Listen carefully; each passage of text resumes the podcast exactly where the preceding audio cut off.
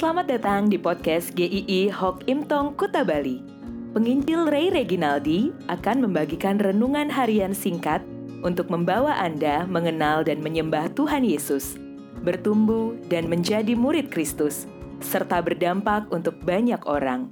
Jika Anda merasa diberkati melalui renungan ini, silahkan bagikan podcast ini agar orang lain juga diberkati. Inilah renungan hari ini.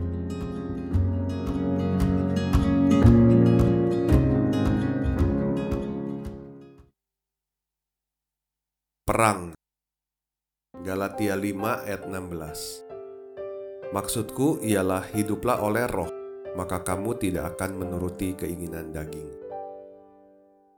Di dalam sejarah dunia, tercatat bahwa banyak perang-perang yang terjadi dengan durasi waktu yang begitu panjang.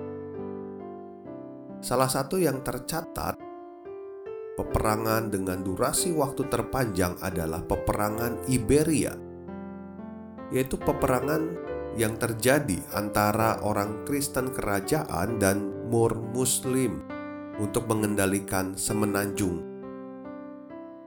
Adakah yang bisa menebak perangnya berlangsung berapa lama?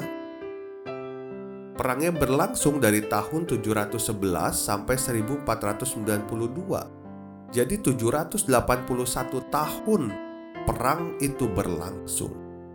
Wah, perang dari generasi ke generasi. Namun ada endingnya juga ini perang. Ada sebuah peperangan yang berlangsung sepanjang masa di dalam kehidupan, yaitu kehidupan anak-anak Tuhan, antara keinginan roh dan keinginan daging. Tidak ada anak-anak Tuhan yang kebal atau terbebas dari keinginan daging selama masih ada di dalam dunia ini. Keinginan daging adalah hal yang berlawanan dengan keinginan roh. Berlawanan berarti betul-betul bertolak belakang. Tidak bisa disatukan, tidak bisa diblend menjadi satu kesatuan. Gak bisa. Mungkin penampilan luar bisa menipu, ada orang yang mungkin giat melayani, tetapi tetap berkubang dalam pornografi. Ada orang yang dikenal merintis gereja sejak awal, namun orang tidak tahu bisnisnya begitu kotor. Ada juga yang dikenal sangat ramah kepada orang lain, tapi siapa sangka di rumah begitu kasar dan menakutkan kepada keluarganya. Tetapi Tuhan tidak bisa ditipu. Tuhan tahu hati kita condong ke mana Inilah peperangan yang terjadi sepanjang masa di dalam kehidupan orang percaya. Ada keinginan daging yang terus-menerus ingin menarik kita, tetapi juga ada keinginan roh, di mana kita sebenarnya harus hidup di dalamnya. Kadang kita merasa sedih kalau mengenal seorang Kristen yang baik, seorang pelayan Tuhan yang setia, namun diketahui terjatuh di dalam dosa. Mungkin ketika mendengarnya kita bisa nggak percaya. Masa sih bapak yang itu? Ah, yang benar. Ibu itu sudah melayani begitu lama. Saya kenal kok pemuda itu. Sejak dari kecil dia anak yang baik, nggak pernah macem-macem. Mungkin itu kalimat-kalimat yang terlontar ketika mendengar seorang Kristen yang kita kenal baik terjatuh dalam dosa. Kita juga bisa mengalami hal seperti itu. Banyak faktor pastinya yang bisa menyebabkan itu. Tetapi faktor utamanya adalah hidup yang sudah tidak berjalan lagi dalam pimpinan Roh Kudus. Mungkin Roh Kudus bersuara, mengingatkan, tetapi diabaikan. Mungkin melalui orang-orang terdekat sudah menegur, menasehati, tetapi tidak mau mendengar. Bagaimana kita bisa mengatasi ini?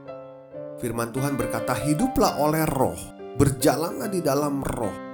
Kata "hiduplah" secara harafiah berarti mengikuti. Hidup kita harus mengikuti pimpinan Roh Kudus setiap harinya, bukan seminggu sekali, tetapi setiap hari. Pimpinan Roh Kudus tidak pernah salah, pasti tidak pernah salah, dan tidak akan berdosa, karena Roh Kudus adalah Allah. Jadi, kita melawan keinginan daging itu tidak pernah sendirian. Kalau kita melawan dengan kekuatan kita sendiri, kita pun akan terjerat, kita akan KO. Tetapi ada kekuatan Roh Kudus yang akan memampukan kita. Berjalan di dalam Roh tidak selalu mengenakan, kadang menyakitkan, tapi tidak akan pernah salah, dan pasti mendatangkan damai sejahtera. Karena ketika mengikuti pimpinan Roh Kudus, kita kadangkala diminta membuang hal-hal yang kita senangi, tapi itu tidak berkenan di hadapan Tuhan. Kita harus bertahan, kita harus menahan diri mungkin dari orang-orang yang bisa menjerat kita juga jatuh dalam dosa lagi. Kita harus tinggalkan itu. Mungkin ada ancaman jabatan kita bisa diturunkan. Mungkin ada ancaman juga kita bisa kehilangan teman-teman kita, Mungkin kita tidak sepopuler dulu lagi, tetapi itulah mengikuti pimpinan Roh Kudus. Tuhan Yesus adalah contoh sempurna ketika mengikuti kehendak Bapa. Dari sejak pertama dia lahir sampai di kayu salib untuk menyelamatkan kita, dia taat berjalan pada kehendak Bapa meskipun banyak cobaan, godaan. Karya Kristus di kayu salib itu menunjukkan supaya kita tidak dibelenggu lagi oleh keinginan daging, bahwa kita bisa melawannya karena ada kekuatan dari Allah Roh Kudus. Kita menjadi orang bebas, kita berbalik arah untuk mengikuti pimpinan Tuhan. Maka mulai hari ini, mari hiduplah oleh roh, berjalanlah di dalam roh. Apa yang Tuhan mau lakukan, apa yang Tuhan katakan tidak, jangan lakukan. Biarlah di sepanjang hidup ini, walau kita ada peperangan yang harus kita hadapi dalam diri kita, tapi ada kekuatan Allah Roh Kudus di mana kita pasti bisa menang ketika berjalan bersama Dia. Sampai berjumpa di episode selanjutnya.